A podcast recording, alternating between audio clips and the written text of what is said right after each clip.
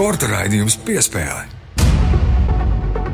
Esiet sveicināti Latvijas radio pirmā kanāla sporta raidījuma piespēļu klausītāji. Novembra pirmā svētdiena ir klāta un ātri paskrējas šis gads.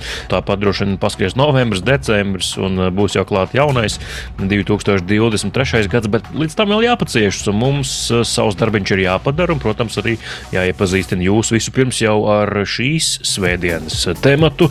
Nu, un šo svētdienu runāsim par cilvēkiem, kurus es gribētu dēvēt par pārcilvēkiem cilvēkiem, jo nu, vārdu tiešākajā nozīmē tas, ko viņi dara, ir pārcilvēciski. Bet kopā ar mani Mārtiņu Kļavnieku, protams, šo raidījumu arī šo svētdienu vadīs Mārs Bergs. Sveiks, Māri! Sveiks, Mārtiņ! Sveicināti klausītāji! Šie cilvēki, par kuriem mēs runāsim šīs nedēļas raidījumā, to nevar nosaukt vispār nekā citādi, kā pārcilvēki. Tas, ko viņi dara, tas, tas brīžiem šķiet prātam neaptverami. Un to arī dzirdēsiet intervijas laikā, kāpēc mēs tā domājam. Jā, viens no viņiem būs piecas reizes vienā no pasaules grūtākajiem skrējieniem Spartatlonā - 246 km. Tas ir eh, finišējušais Laimons Skadiņš, nu un arī viņa partneris šogad Spartatlonā. Viņi finišēja plecu pie pleca. Cits Latvijas trīsreiz šo distanci pieveikušais Pēters Cābulis. Ar viņiem tad arī pārunāsim to, kas un kā. Protams, būs arī vēstures stūrītis, tur Rēns Grunsteņš ieskatīsies citu pārcilvēku paveiktajā. Bet tas viss jā, šodien raidījumā un jau pēc pavisam īsa brīža, protams, ka turpinām maza attēlpas pauzīt un tad ķeramies klāt šīs nedēļas spilgtāko notikumu topam.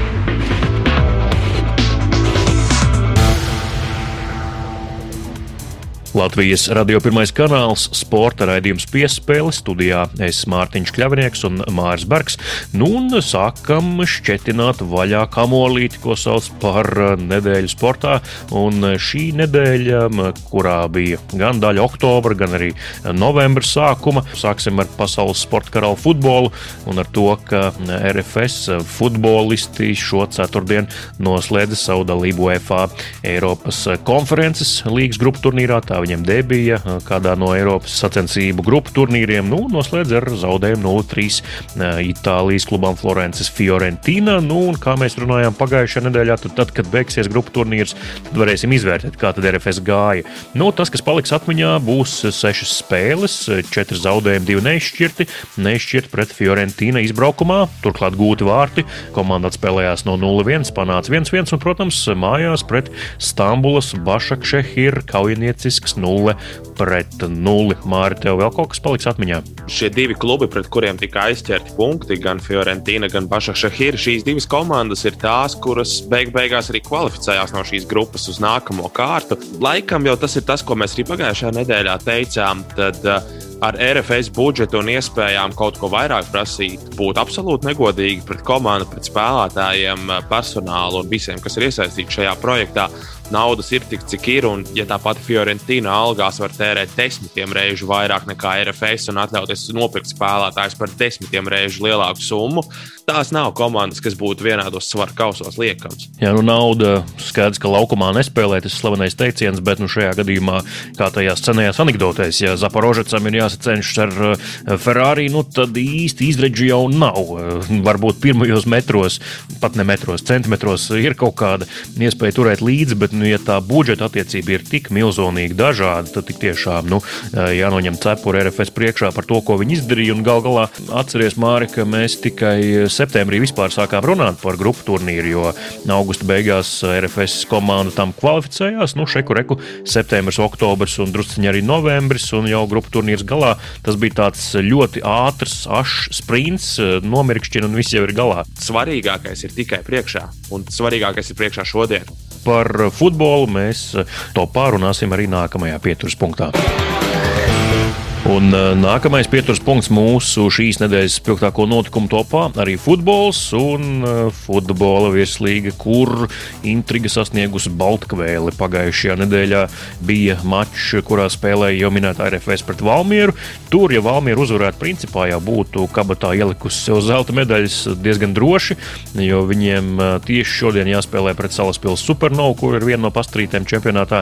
Bet tā nenotika viens viens. RFS izrauga neizšķirt tomēr pašās, pašās pēdējās kompensācijas laika minūtēs, nu, tad uh, saspringzinājums, uztraukums un gaidas joprojām ir atliktas arī vēl uz šo nedēļu. Nu, un Valmierieši, tātad, kā jau minēju, šodien uh, pulksten vienos dienā, kad klausāties šo raidījumu tiešraidē, uh, spēlē pret Salaspils supernovu izbraukumā, savukārt RFS cīnās ar Liepāju. Arī pulksten vienos sākās šī spēle, nu, un tur savukārt izšķiras būt vai nebūt Eiropausos šīm komandām. Tā, kur uzvarēs, tā nākamgad būs Eiropas kvalifikācijā, tā, kur zaudēs, paliks 4. virslīgā un spēlēs tikai Latvijas virslīgā un Latvijas kausā.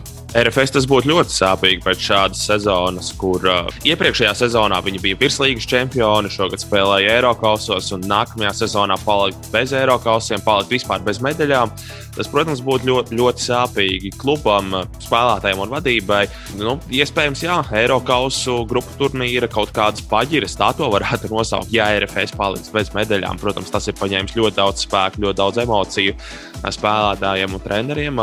Liepājai ir visas iespējas, bet man tiešām interesē, vai Valmiera nosargās savu čempionu titulu. Jo Valmierieši vēl dažas kārtas pirms sezonas beigām, vēl apmēram 5-6 spēles pirms sezonas beigām, izskatījās, ka tā ļoti pārliecinoši iet un metodiski un pārliecinoši iet pēc šī titula. Un pēdējās spēlēs izskatās, ka tas tituls sāk slīdēt no rokām ārā. Beig beigās varbūt FC Riga tomēr izdosies izraut to. Mēs nezinām, šodien visas spēles sākas vienlaicīgi, tās jau ir sākušās. Piebildīšu, protams, ka tas ir tad, ja klausāties šo raidījumu tiešraidē, pulksten vienos un piecās dienā, bet jā, visas piecas spēles šodien visas komandas iesaistās. Nu, un vispirms Audis Partaks, tā ir tāda cīņa par principiem droši vien. Auda vairs nekur augstāk nevar tikt. Nu, meta pret Daugopilu, tā arī tāda pastrīšu cīņa. RFS Liepāja, kā jau teicu, jā, RFS laukumā Supernova pret Valmieru un Tukums 2000 pret Rigu. Tukums pēdējās spēlēs spēlēs ir iekoduši daudziem. Iekoduši arī tai pašai Valmierai, jāņemot ļoti svarīgus punktus. Tur Jurģim Kalnam ļoti tāda emocionāla preses konference pēc tās spēles. Ļoti dusmīgs viņš bija un daudz ko pateicis par tūkumu komandu pēc tā mača. Nedrīkst priecāties par neizšķirtu, nedrīkst. To es atceros no Jurģa Kalna teiktā, jā, bet viņam ir katra preses konference emocionāla vai vismaz tāda, kuru ir uh, vērts noskatīties, lai arī cik ilgi viņš tur runā. Tāds mazliet Jurgens Klops latviešu izpildījumā. Saka, ko domā. Amaro. Nedēļas tops turpinās Mārtiņš Kļavinieks un Māris Bergs studijā. Sporta raidījums piespēle, nu un tā tad mēs nekādi nevaram paiet garām oranžajai bumbai šajā nedēļā Ziemeļamerikas un visas pasaules spēcīgākā basketbola līga, Nacionālā basketbola asociācija. Tur Vašingtons Wizards komandai veicas ļoti labi un Kristaps Porziņš ir šīs komandas līderis. Pēdējā laikā gan rezultatīvs, gan labs aizsardzības spēlētājs, pilda savas funkcijas un principā spēlē komandas orķestra pirmo violu. Tā varētu teikt, vai ne, Māri? Nu, vai viņiem iet labi? Tā es laikam neteiktu. Tomēr tikko Vašingtonai bija trīs zaudējumu sērija, un tagad viņiem bilance arī tur tā ap 50% tur svārstās. Līdz ar to viņi ir tajā play-in zonā, jeb respektīvi starp 7 un 10 vietu, kaut kur atrodas austrumu konferencē. Kristaps izskatās, ir izārstējis potītas savainojumu, kas viņam traucēja sezonas pašā sākumā. Otrs aspekts, es domāju, ka viņš ir iespējams. Viņš mazliet ir sajūtis komandas biedrs, arī komandas biedri apmēram saprot, ko Kristaps var, ko nevar, kur viņam dod bumbu, kur nedod. Arī treneri to ir labāk sapratuši. Tā lavīna ir sākusi vēlties lejā no kalna, un Kristaps noteikti jūtas krietni vien ērtāk komandas spēlē nekā tas bija pirmajās pāris spēlēs. Nu, līdz ar to arī, arī rezultāti, protams, kāpj. Veselība Kristapam un mēs dodamies tālāk nedēļas topā, bet paliekam šajā pašā sporta veidā. Nu, un nedēļas topu noslēgsim ar basketbolu un ar spēlētāju, kuru arī pārstāv Kristapa Porziņa radi. Tā laikam to var teikt. Jānis Porziņš ir tas, kurš līdz šim turēja rūpīgi par Artūru Žagaru, viņa karjeru. Nu, un tagad to laikam vairāk dara Artūrs Šenkovs. Jānis Porziņš paiet druskuļi maliņā no tās aģentēšanas lietas, bet gan jau viņš turpat vien kaut kur pār plecu arī skatās. Un arī Kristaps ar Artūru ir labi paziņas, iespējams pat draugi. Artūram Žagaram spēlējot Lietuvā, Iedaņa Ņevežas komandā, sokas šķietam ar vien labāk. Tā nebija Lietuvas līgas spēle šonadēļ, kurā viņš tika spilgt izcēlās, bet uh, savukārt Lietuvas karaļa Mindauga kausa izcīņā viņš spēlēja pret Rihardu Kuksika, pārstāvēto pieno zvaigžnes komandu. Nu, un, jā, izcils sniegums. Tur 32 punkti, 7 pārtverts bumbas, 5 atlikušās bumbas, 3 rezultatīvas piespēles, lielākais spēles laiks komandā. Artur Žagars ir atpakaļ. Kā tu domā, Mārtiņ? Es ļoti ceru, es tiešām ļoti ceru, ka Arturam Žagaram beidzot ir izdevies tikt pāri tādam nu, melnajam posmam viņa karjerā, ja tā varam teikt. Nu, Artūra gadījumā nekad jau nav bijušas šaubas par to, ka viņam ir talants, ka viņam ir tiešām milzīgs talants un spēles izpratne augstā līmenī.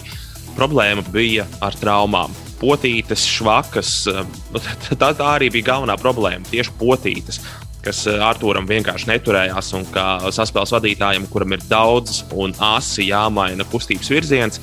Nu, tur potītēm ir liela slodze, un eh, beig beigās eh, gan potīšu problēmas, gan citas veselības problēmas viņam ir liegušas. Acīm redzami, demonstrēt to, ko viņš varētu demonstrēt, to, ko mēs cerējām no viņa sagaidīt tas laikam arī bija prognozējams eh, viņam pārējot uz pieaugušo basketbolu. Jo vēl 18 vecumā nu, viņš izskatījās pēc tāda puikas. Nu, viņš neizskatījās pēc 18 gadnieka vai pēc 19 gadnieka. Viņš izskatījās tā, kā viņam būtu 13, 14 gadi. Tāds jauns, nenobriedis, bez muskuļu masas, tādā kārtīgā veču basketbolā, kur mazliet fiziskāk uzspēlēt. Tur tas bija prognozējams, ka Arthūram ies grūti un ar eh, veselību arī varētu būt kādas problēmas. Jā, nu, Arthurs vienmēr ir bijis tāds um, nu, to tā plānāks par citiem uh, saviem Mm, vienaudžiem varbūt arī īsāks, bet uh, nu, meistarības un izdomas laukumā un radošuma viņam nekad nav trūcis.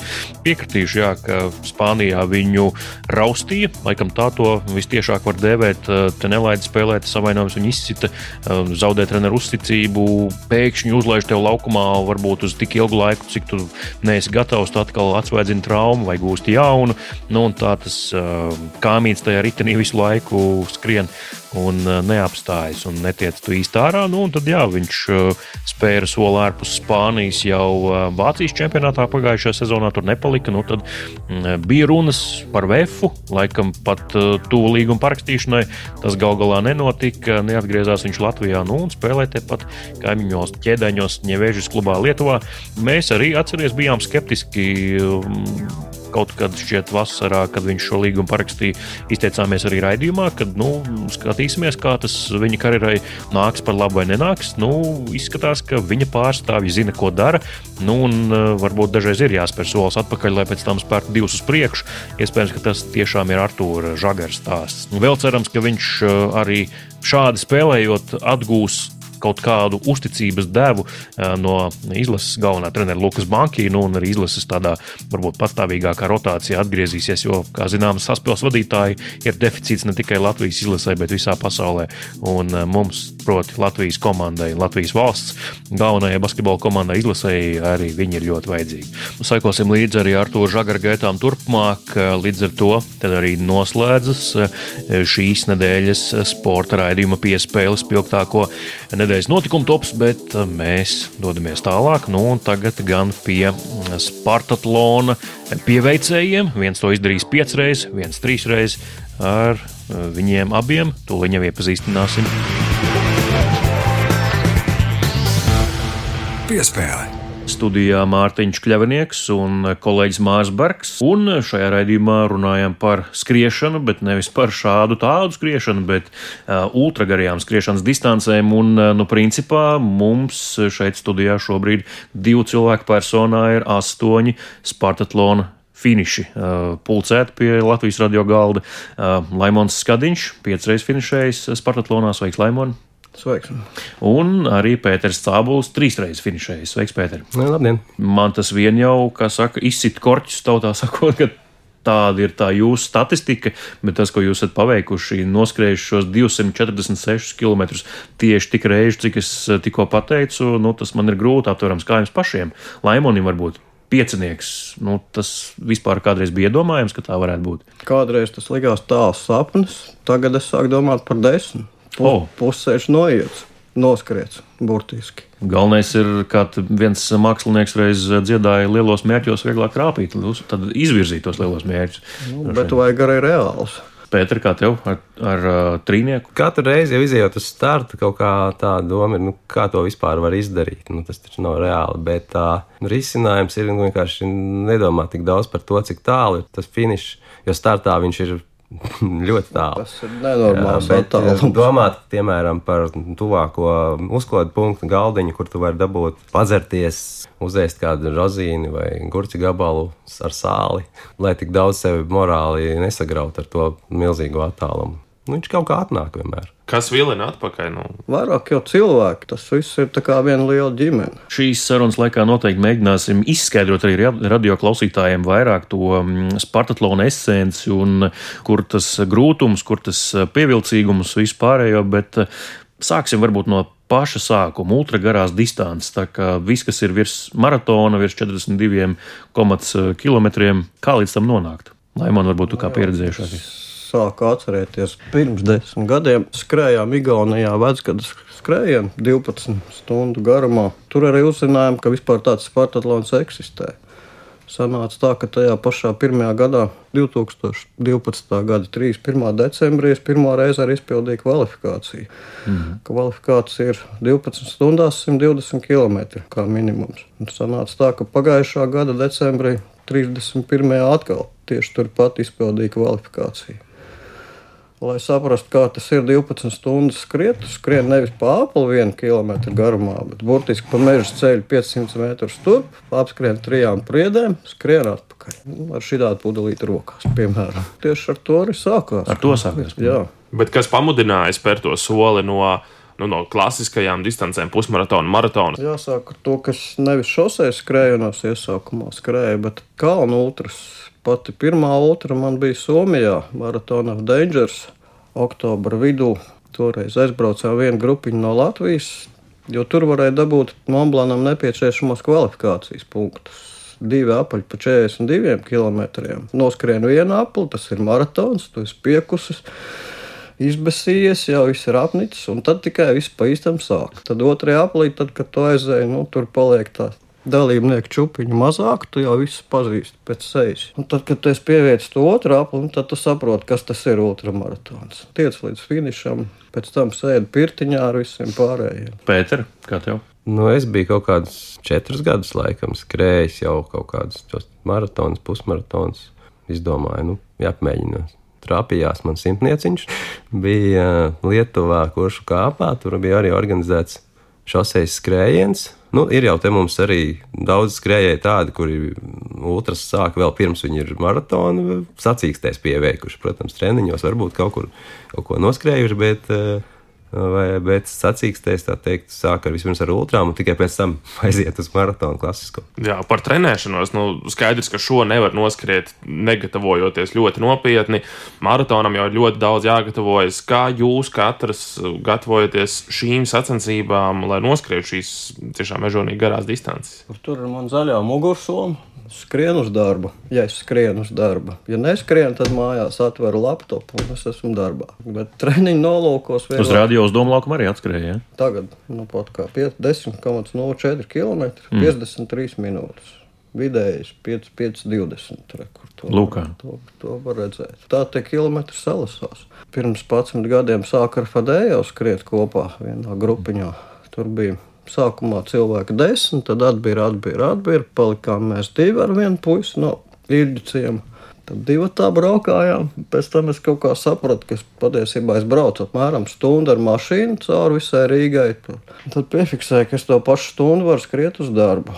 Rezultātā es jau esmu darbā, ietaupu naudu par benzīnu, Uzlabo veselību. nu, veselību arī. Un, nu, ar ultragarajām veselību tas ir drusku savādāks stāsts. Ja tu skrien ikdienā, tur 11 km, tas tā, bet tad, kad sāc skriet 200 plus, nu, tas ir drusku savādāk. Tā kā, Ja klausītāji kaut kur Rīgas ielās redz zaļu mugursomu plecās skrējējam, tad tas varētu būt laimons. Pēter, kā tu arī skrien uz darbu? Man kādreiz bija tāds arī niķis, bet šobrīd man ir pārs, man darbs ir tikai attālināti. Tā teikt, oficiālā mums ir. Nē, esmu tagad dažus mēnešus parādījies, bet nu, tad man arī man ir kaut kādi nepilni 12 km. Tad es arī reizēm, tad, kad bija tā klātienē vēl jābūt, tad, tad skrēju uz, uz darbu. Un, nu, ja sagribās, tad arī atpakaļ. Parasti jau, ja viss kārtībā, tad arī atpakaļ aizskrien. Tā, tāpēc ir tik švaki rezultāti, ja, kad visas trīs reizes es esmu pēdējā, pēdējā stundā to Spartatlonu finišējis. Ne tā, kas pēdējās sekundēs, bet nu jā, tur, tur, tur tu saproti, ka tu vari arī ejot aiziet, un tev tas kontrolēks tur baigi nespiež nost. Tur minimāli varbūt kaut kā viena minūte, tur viena otru uz katru kontrolpunktu, tur, tur varbūt nokrīt nost, tā teikt. Tā tur ir saorganizēts, ka sākumā bišķiņi ir jāstreso, lai tu tos pirmos 80 iekļautos tur tādā nu, normāli jārikšo, jā. Tur, tur tā vajag, vajag nevar aizrauties ar ilgām staigāšanām. Nu, tas ir karstumā, pirmā, jā, pirmās ir karstums, dienas karstumā. Jā. Vēl ir otrās dienas karstums, bet tas ir cits stāsts. Esmu bijis, var arī radio klausītājiem pastāstīt, esmu bijis uz jūsu pāris stāstu vakariem Latvijas Sporta muzejā, ja nemaldos, tas Jā. tie notika. Klausījies šo stāstus arī, kā, kā ir bijis Spartatlonā un, un kas tur ir pieredzēts. Tur arī toreiz man mute un acis palika plati vaļā. Par tiem stāstiem kaut kādiem konkrētiem noteikti parunāsim, bet jūsu katra pirmais Spartatlons, Laimona, kāds tas bija un kad? Pirmajā gadā tā kā zaļš gurķis. Nezinu neko, nevienu. Liekas, ka tas ir drausmīgs gabals. Nu, sagatavojies tu esi. Pārgatavojies, varbūt? Nē, Nē sagatavojies. Mm. Gan fiziski, gan morāli, bet tu nezini, kas tev tur gaida. Ot, ir tāds labs piemērs par kuģi, kurš ir kaut kādā apmēram 300 km. Pēters man vienmēr saka, lai es paskatos uz kuģi. Es šogad piekto reizi skrienot, es beidzot to kuģi redzēju. Viņš ir jūras krastā. Bet, nu, tur tas skrējiens ir vairāk tas ceļš, kas iet gar jūras krastu. Viņš ir augšā lejā, nu, apmēram 100 metrus virs jūras līmeņa. Tajā brīdī esmu pagriezienā. Ja tajā brīdī skaties uz pretīm braucošo mašīnu, skriešana notiek pa nelielu šosei, dzīvajā satiksmē. Tur daudz apkārt tā neskatīsies. Šogad es beidzot to kuģi ieraudzīju 20, kurā 7. vai 28. kilometrā. Diana tajā brīdī vēl bija kaut kāds metrs simts apmēram priekšā, un tad, tad, kad viņi pagriezās ap klinti pa labi, tad es ieraudzīju to kuģi. Diana Džavīza, kur uzvarēja šogad otru, otru reizi pēc kārtas. Pēc kārtas. Nu, es par to kuģi negribētu piekrist. Es Lemonim viņu rādīju, tad, kad es viņam biju atbalstītājos. Es biju speciāli tajā līkumā nostājies, un es viņam parādīju. Un es redzēju, ka viņš redz to kuģi. Bet, bet, bet, bet, bet viņš to no akmeņa. Viņam tas ir aizgājis kaut kur, jo tāpat kā. Kā šogad mums bija gadījums, ja, es. 200 kurš tur kilometrus otrās dienas. Jā, jā, jā, otrā rītā. Nu, mums tur ir viens kontrolpunkts. Es tur kaut kā no viņa aizklunkurēju ātrāk prom. Eju tur kaut kādu gabaliņu, izējām tur uz tās jau tās šoseis, kas tur no līdzenuma sāk vest atkal jau kalnainākā vidē. Un nu, domāju, nu, tas laimons man kaut kad tur noķers, nu, ok, nu, simts punktu, tur nekāda problēma. Viņš tur arī ar to lietu to tajā punktā bija izdomājis tur apmeklēt. Pēc kāda laika viņš man pienesās kaut ko tur pārmējiem pāris vārdus, un viņš aizdur uz priekšu. Tas ir un pēc tam 200 km. Pēc tam mēs tur dienu, jā. jā, vilkām galā. Tur, kas tur īsti notika? Tur izrādās Laimons bija aizskrējis mani meklēt vēl. Mm. Mēs jau pāris vārdus pārmijām. Viņš aizmauc kalnā. Pilnu gāzi. Jā, ieņēmis galvā, rekord ir kalns, tur būs Pēters, man viņš ir jānoķer un vēl uzskrēja tajā kalna augšā, tur 211. kilometrā. Prāt, prāts strādā citādi tajā brīdī, jā. Pastāstiet par šo, nu, minējāt pirmās dienas karstums, otrās dienas karstums. Grieķijā ir karsts, tas pats bija, saule cepina, nu, ir diezgan, diezgan traki kas ir pirmās dienas karstums, kas ir otrās dienas karstums un kas vispār notiek ar cilvēku šajā distancē, ko jūs jūtat, eh, domājat. Eh, nu, tur tie stāsti ir daudz un dažādi, bet par savu pirmo varbūt pieredzi varat pastāstīt. Tas jau vistrakākais droši vien ir tā pati pirmā reize to vispār dzīvot. Karstums pirmās dienas. Pirmajā dienā tu esi diezgan svaigs un vienkārši skrien, skrien ripiņi. Sagaidi vakaru. Es atceros, pirmajā dienā, kaut kur pirms starta parādījās, skanēja tāda dziesma, viens sungaus dauna. Tāda vārda. Kad saule noriet. saule noriet, un tad tu galvā rēķini, cik stundas vēl jāsagaida, un tad varēs sākt skriet. Vakarā, Jā. tad pa nakti, kad Vakarā, jā, tad, nu, tas ir nu, pēc sešiem, septiņiem vakarā. Bet nav kontrasts milzīgs, ka karstums un tad ļoti vēss paliek. Ne? Nepaliek vēs. Vēsāks kā nu kuro reizi tur pa vidu otrajā distances daļā ir kalnu pārēja, kur ir burtiski jāuzkāpj augšā, nepilnu kilometru augstumā. Pēc tam skriešana notiek pa tādu kā plakanu kalnu, kur vairāk nav koka, vējš pūš. Un tad kā nu kuro gadu trāpās, vai nu tur ir plus 5 grādi, kā bija pagājuši, kad, kad Diana tur savu nost. Un, Jā, esat Jā. bijuši pat vilnas zeķīs līdzi. Tā. Jā, šogad mums bija plus 10 grādi naktī. naktī. Par dienu jau ir plus 40 grādi, tad tiešām augsts nav. Bija viens moments arī kaut, kaut kur tajā pašā kalnā, kur Laimons tur, tur, tur izpildījās ar to manas meklēšanu. Ka vienā brīdī es tur eju kaut kā, un tā kā nāk kaut kāds, kaut kāds miedziņš tur acīs, un tas- tad viņš tur tev pretī brauc tur mašīnas arī pa kalnu šoseju un tā. Var, var nākties satraukties, ka, ka tik neiz, neiz, neizkonkurēja uz tās ielas. Bet citādi, jā, citādi visā distancē miekas man nenāca. Sēdies tās kofeīna žēlējas un, un kolu kaut ko, kā, ka no miega izdevās tad diezgan labi izvairīties. Jā, Nu, nu, tieši to es gribēju arī jautāt. Nu, kā jūs uzturat to enerģijas līmeni šajā distancē, ja jāatskrien pa nakti? Nu, ne jau enerģijas dzēriens dzersiet gluži. Tur ir kaut kas bijis specifiskāks. Tomēr ir. Ko nu kurš uzskata par enerģijas dzērienu? Man tā ir kola. Mm. Plus vēl es jau jaucu klāt isostāru pulveri. Nu, tas ir tiešām tāds enerģijas lādiņš.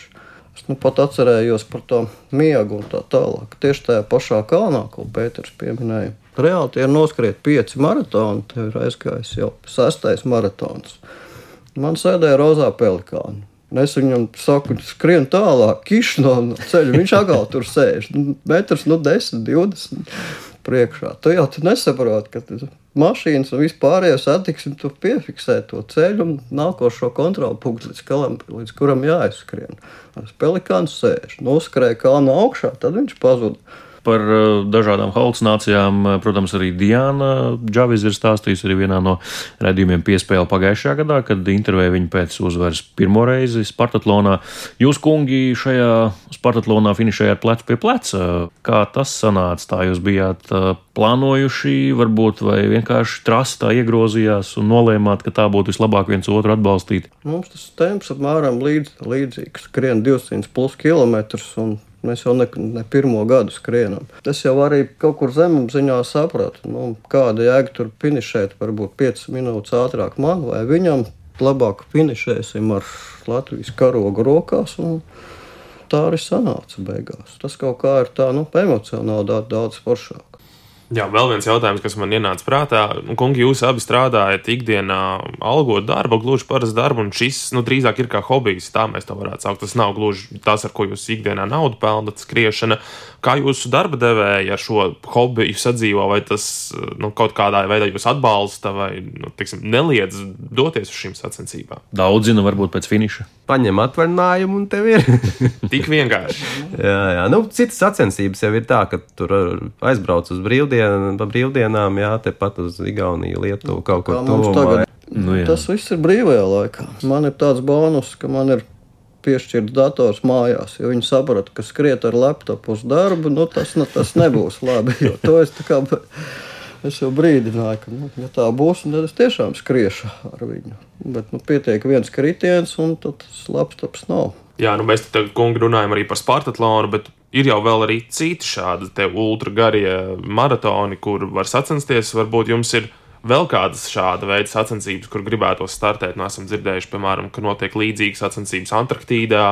Viss kaut kas notiek. Varbūt ir kāda disciplīna vai kāds pasākums, kur gribas uzskriet vēl kāds cits. Nu, jā, es te skatos tādu uz kaut kādu Milānu Sanremo, tāds maršruts, apmēram turpat, kur arī tas riteņbraukšanas pasākums.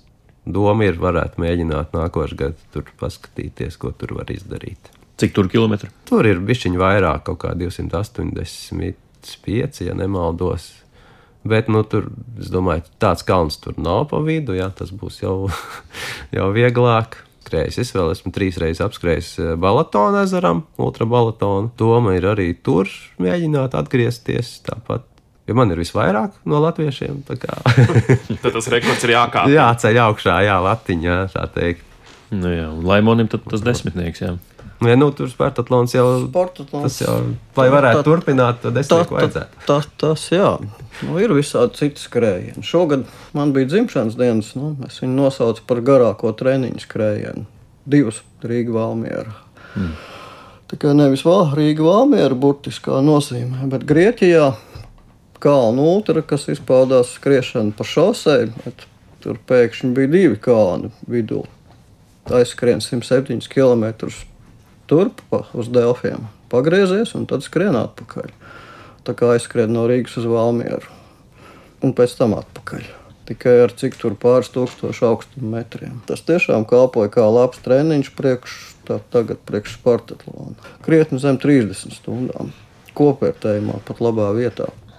Jā, nu, kungi, es domāju, mēs vēl varētu runāt ilgi par uh, Spartatlonu un citiem ultraskrējieniem, bet nu, laiks ir nepielūdzams. Arī ēterā teikšu paldies uh, gan Laimonim Skadiņam, uh, gan arī Pēterim Cābulim.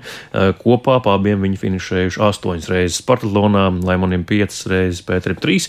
Nu, novēlam tad, protams, Laimonim sasniegt desmitnieku un, protams, arī Pēterim savus mērķus, varbūt citos skrējienos Spartatlonā un visur citur. Paldies, kungi, ka atnācāt, paldies, ka pastāstījāt, dalījāties pieredzē. Es domāju, tas ir kaut kas uh, unikāls. Nebijis arī Latvijas radio tieši šādā perspektīvā paskatīties uz šiem ultraskrējieniem. Uh, un paldies, ka izglītojat uh, sabiedrību un arī Latvijas radio klausītājus par šādām nodarbēm. Jā, paldies, ka pastāstījāt. Nu, jā, kā Laimons saka, 214 km tāds treniņš skrējiens izklausās tiešām traki, bet jā, interesanti, tiešām interesanti saruna. Paldies jums un um, lai izdodas sasniegt šos te uzstādītos mērķus, kur, cik un kā. Sporta raidījums piespēle.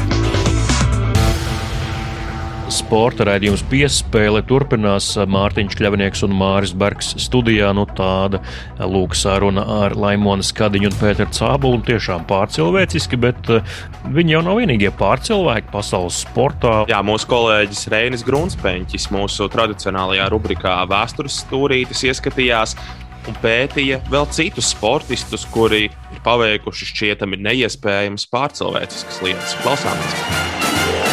Vēstures stūrītis! Skrējienus, kas garāki par tradicionālo maratona distanci, dēvē par ultramaratoniem, un tie notikuši jau kopš seniem laikiem. Par skrējējiem, kas pievarējuši ekstrēmi garas distances, ir rakstīts Islandes sāgās. Tie pieminēti arī rakstos par seno Grieķiju, no kurienes nāk idejas gan par maratona distanci, gan slavenajām Spārtatlona sacensībām. Pēdējo gadu laikā ar dažādiem sasniegumiem milzīgu distanču pievarēšanā aizvien vairāk izcēlušies mūsu pašu tautieši. 2017. gadā arhitekts Dīns Vecāns mazāk nekā mēneša laikā apskrēja visu Latvijas robežu, 22 dienās veicot 1740 km. Par to ir iznākusi dokumentālā filma Apskrien Latviju. Pirmie kadri demonstrē vienmuļo skriešanu un šķietami nebeidzamos grāns ceļus, kas stiepjas cauri mežiem un gar malā sakrautām koku materiālu grēdām. Pirmās dienas parāda, kā skrejējs pievarē aptuveni divus maratonus dienā un pēc ilgstošās slodzes guļ tikai pa piecām stundām. Grūtības rada arī dažādi savainojumi. Pie pārslodzes nepieradušas ahilēja saites bija uztūkušas, bet dažādās vietās pieliktie ledus gabali liecināja par mikrotraumām muskuļos. Nākamajās dienās uztūka potīte, un skrējiena turpināšana bija apdraudēta jau pirmajā nedēļā, par ko filmā runā arī ārsti. Neskatoties uz to, Dins Vecāns savu mērķi tomēr sasniedza, un brīvības pieminekli daudzu desmitu līdzskrējēju pavadīts sasniedza 20 21 dienā, 14 stundās un 33 minūtēs. Ultramaratoni notiek arī tādās vietās, kur finiša sasniegšanu sarežģītu padara ne tikai distances garums, bet arī laikapstākļi un segums. Marokas tūkstnesī ik gadu norisinās Marathon de Sable, jeb smilšu maratons. Dziļajās tūkstneša smiltīs 40 grādu karstumā nedēļas laikā ir jāpievar 251 km. Savukārt naktīs temperatūras stabiņš tūkstnesī var nokrist arī līdz mīnus grādiem. 1994. gadā bijušais olimpietis Mauro Prosperi no Itālijas smilšu vētras dēļ novirzījās no maršruta un apmaldījās, tiekot atrasts tikai pēc desmit dienām Alžīrijā. Arī par šo stāstu tapusi dokumentālā filma, kas pieejama straumēšanas vietnē Netflix. Interesanti, ka 2008. gadā šo ultramaratonu pievarēja arī slavenais spāņu futbolists un pašreizējais Spānijas izlases galvenais treneris Luis Enrique. Par sarežģītākajām skriešanas sacīkstēm pasaulē sevi dēvē Bedwateras ultramaratons, kas norisinās Nāves ielā Kalifornijā, vietā, kur tikusi fiksēta visu laiku augstākā temperatūra vēsturē. Tikai daži pieredzes bagāti ultramaratonisti spēj sasniegt finišu 217 km garajā distancē. Arī tūkstnesī, taču pilnīgi citādā, tiek rīkots Antarktīdas maratons, kur valda mīnus 15 grādu sals. Pērn tajā uzvaru svinēja Latvieta Evija Reine. Tāpat ļoti neparastas sacensības ik gadu risinās Ņujorkas rajonā Kvīnsā, kur sportistiem vairākās nedēļās ir jāveic gandrīz 5000 km. Neparastais šajās sacensībās ir skrējiena maršruts, kas ir tikai viens 880 metrus garš aplis Kvīnsas ielās. Tātad 52 dienu laikā šis viens aplis ir jāizskrien vairāk nekā 5,5 tūkstošus reižu. Šīs sacensības 96. gadā iedibināja indiešu meditācijas skolotājs Šrī Činmojs ar mērķi radīt iespēju dalībniekiem atklāt savu spēju robežas un mēģināt tās pārsniegt. Savukārt, ja pievēršamies dažādiem rekordiem, tad rekords par visgarāko skrējienu bez apstājas pieder amerikānim Dīnam Karnazesam.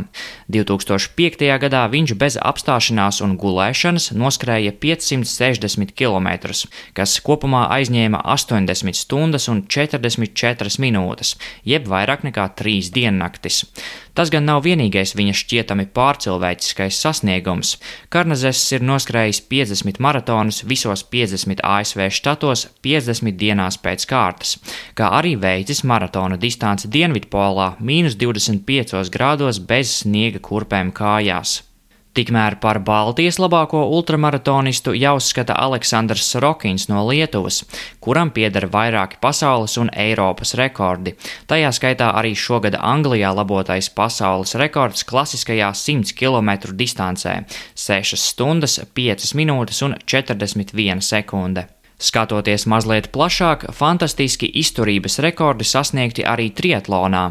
Ginesa rekords par visgarāko triatlonu pasaulē pieder Adrianam Benetam no Lielbritānijas, kurš pagājušajā gadā kopumā pavadīja vairāk nekā 6 mēnešus, lai pievarētu 7519 km. No tiem 225 bija peldot, 5850 braucot ar velosipēdu un vēl 1450 skrienot. Svarīgi pieminēt, ka tas tika sasniegts Singapūrā, valstī, kas no vienas tās puses līdz otrai aizņem vien 50 km.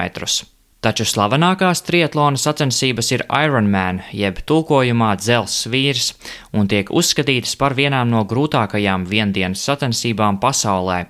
Kopumā Ironman distance aizņem 226,3 km, un tai ir laika limits 17 stundas. Par prestižu sasniegumu šajās sacensībās tiek uzskatīts finišēt ātrāk par 8 stundām. Pasaules rekords pieder pašreizējam olimpiskajam čempionam, Norvēģim Kristianam Blumenfeltam - 7 stundas, 21 minūte un 12 sekundes.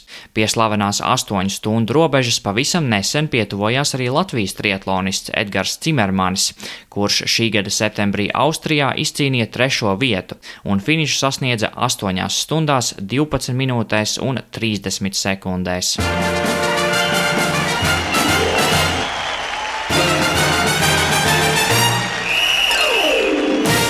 Latvijas radio pirmā kanāla sporta raidījums piespēle izskan studijā Mārtiņš Kļavnieks un Māris Bergs. Nu, un mums, kā jau allaž raidījuma izskaņā, um, jāpasakās arī uh, uzticīgiem klausītājiem, kuri klausās uh, tajā, ko mēs te stāstām uh, vairāk nekā pusstundas garumā. Paldies arī jums šoreiz, ka klausījāties, bet uh, neaizmirstiet, ka šī nav vienīgā reize, kad varat dzirdēt raidījumu piespēli vai varbūt, ja ieslēdzat radioaparātu kaut kur raidījumā, raidījuma vidū gribat uh, dzirdēt, kas tad notiks sākumā, droši meklējiet raidījumu piespēli gan Latvijas radio mājaslapā, arhīvu sadaļā, vai arī pie raidījuma piespēles sadaļas. Nu, tāpat arī, protams, kā jebkur, kur dzīvo raidierakstiem podkāsti. Jā, paldies, ka klausījāties. Tiešām mēs ar Mārtiņu varējām tikai saskatīties un teikt, kā kā tas ir iespējams. Tiešām pārcilvēciski stāsti šajā raidījumā. Paldies, ka klausījāties un uz tikšanos jau nākamajā reizē. Tiekamies jau nākamā svētdienā.